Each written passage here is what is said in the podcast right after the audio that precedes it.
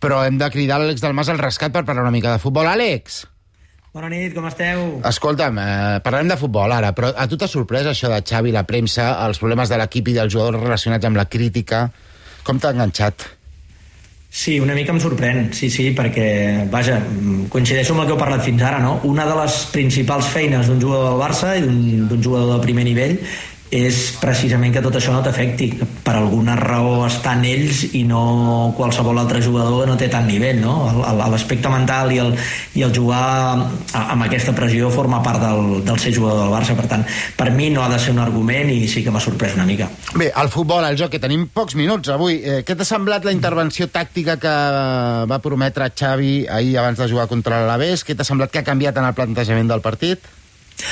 M'ha semblat això una intervenció tàctica, és a dir, per mi el que hem vist avui és un canvi tàctic, però no és la tecla. Eh, ens ho ha demostrat el, el joc de l'equip, no? Eh, és a dir, ha invertit el patró, ha, ha tornat els, a, a tancar amb tres, era una de les maneres de corregir que havíem parlat aquesta setmana, o tancar amb un, amb un lateral o fer-ho amb el pivot. A mi m'agrada més fer-ho amb el pivot, però Xavi ha decidit doncs, canviar la banda de Cancelo i fer-ho amb tres al darrere, i trobo més interessant el que ha provat a la segona part. Sigui com sigui, jo crec que el, la tecla que ha tocat avui, jo crec que hi han dues coses que tàcticament no li han funcionat. Una és el tema d'Araujo, jo crec que si vols jugar, sortir amb tres de darrere, Araujo ha d'anar al mig, i si algú ha de jugar el, el rol aquest de lateral central ha de ser Condé, i s'ha vist després. I l'altre és el de Cancelo, és a dir, per mi la millor versió de Cancelo no depèn de la banda on jugui, perquè hem vist que l'esquerra té, té igualment facilitat, sinó qui és el seu company que té per davant. És a dir, molt millor amb Lamin que amb Joao Fèlix i això et porta que per mi Cancelo qui ha de tenir davant és a l'extrem d'amplitud, és a dir, l'extrem pur i no el fals extrem.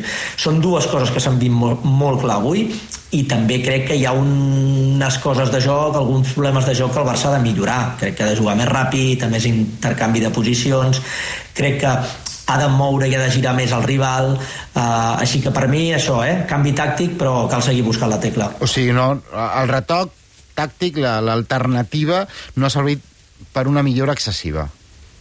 Exacte. Uh, jo, jo crec que ha millorat Uh, uh, lleugerament, sobretot perquè sorprens una mica més el teu rival i això ho hem parlat moltes vegades, has de ser imprevisible però no en quant a joc, no, no però a la segona meitat sí que hi ha hagut una mica de millora eh, en el mm. joc del Barça. Tu també m'has comentat a la tarda, preparant eh, aquest espai al Club de la Mitjanit, que havies vist algun retoc a, a la segona meitat, durant la segona meitat, encara amb empat al, al marcador. Eh, què, què, has, què has apreciat?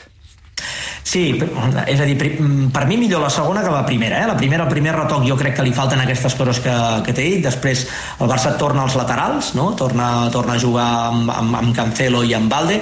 Crec que hi ha una cosa que, que el millora, que és mm, fer conviure a Cancelo amb la Min, com us he dit, i després hi ha una cosa per mi interessant, eh? que segurament només uh, es pot utilitzar quan el Barça precisament ha de marcar o ha de conviure amb l'emergència ofensiva però que és la part alta del quadrat que ha utilitzat a Ferran i a Rafinha. A mi em sembla molt interessant, és a dir, estàs utilitzant no dos migcampistes, sinó dos davanters, però dos davanters que a la vegada són diferents.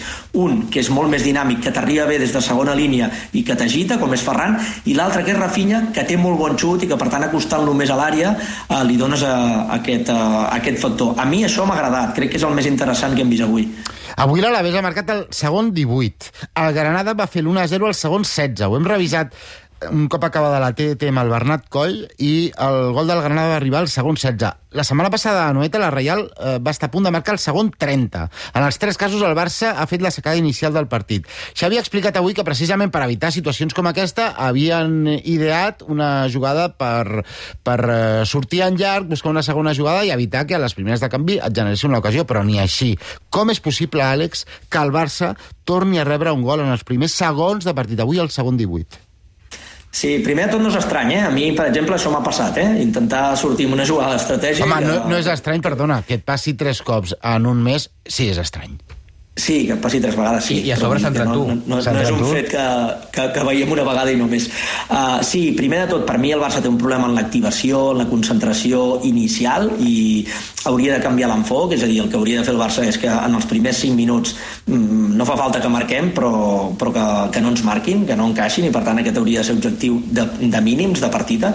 I l'altre és que uh, jo crec que fent una jugada d'estratègia o una jugada de sortida de secada d'inici estàs tan tan concentrat amb el que, o tan, tan focalitzat en el que has de fer per fer mal que t'oblides una mica que si perds pilota també t'has de corregir bé i avui el replegament del Barça cap endarrere és un drama. En mitja hora l'Alavés, Samu, el seu davanter de 19 anys, ha fet un gol al segon 18 i ha tingut tres ocasions molt, molt clares una ha tocat el travesser.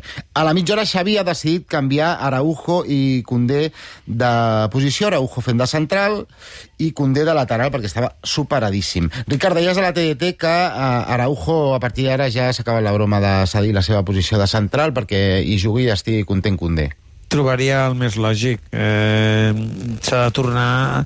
Ah, ara, ara llegia un tuit de Diego Latorre molt interessant sobre això. Jugador argent, exjugador argentí, sí. analista. Parlant de la moda de donar versatilitat als futbolistes i oblidar-se de l'especificitat. I Caraujo és el millor defensa del Barça i ara no, no recordo exactament com ho diu, però ho hem parlat també al tercer temps i per tant va per la línia, no?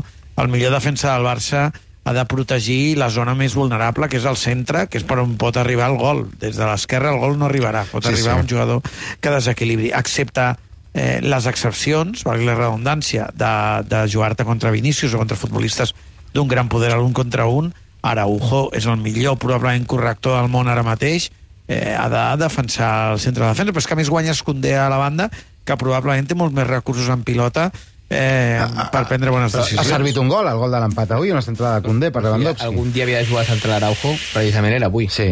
Uh, Àlex, t'ha semblat que trigava massa Xavi en fer el canvi de posició i que Araujo agafés Samu, que estava destrossant el Barça? Sí, potser sí, però, però vaja, en qualsevol cas eh, l'ha acabat fent i abans de la mitja hora vol dir que, que em sembla bon moviment. A mi el que em sembla amb, és... Amb sort amb 0 a 1 al marcador, perquè sí, si sí, acaba 0-2 no hagués estat cap sorpresa sí, ni sí, 0-3.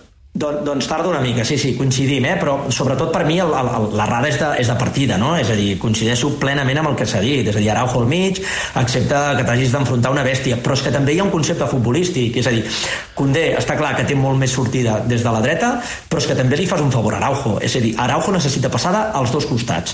Quan tu el poses a un costat i només té l'opció d'anar cap a dins, allà té molts problemes, és a dir, que limitat, tots els camins porten cap aquí. Per ser una mica positius, perquè ens està quedant una mica programa grisot, cap, entre gris i negre. Però per ser una mica positius, Lewandowski ha fet dos gols, després un mal gest a, a la minya mal, però ha guanyat el partit. Gol de cap, molt bon gol de cap, gol de penal, assumint la responsabilitat.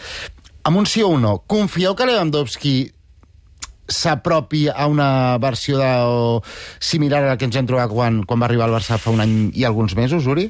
Sí. Sònia? I, i aquesta ha sigut amb diferència la meva notícia del partit d'avui. Mm -hmm. Sònia? Estic d'acord amb tu. Mm, bé, tant de bo. Sí, sí. Tant de bo sigui així. No, no, clar, tant confieu... De bo, sí o no? Eh, i, i, el que sé és que la temporada passada ja si fa no fa la va acabar com l'ha començat aquesta. Aleshores, eh, hi confio relativament. Mm -hmm. Costa? Mm, sí, i més ens val. Torque? Jo sí, però no li perdono el tema de la Minya Mal. Per mi hi ha un abans i després d'avui de la meva mirada de Lewandowski. I Àlex Dalmas? Sí, sí, jo, jo hi confio i crec que és clau.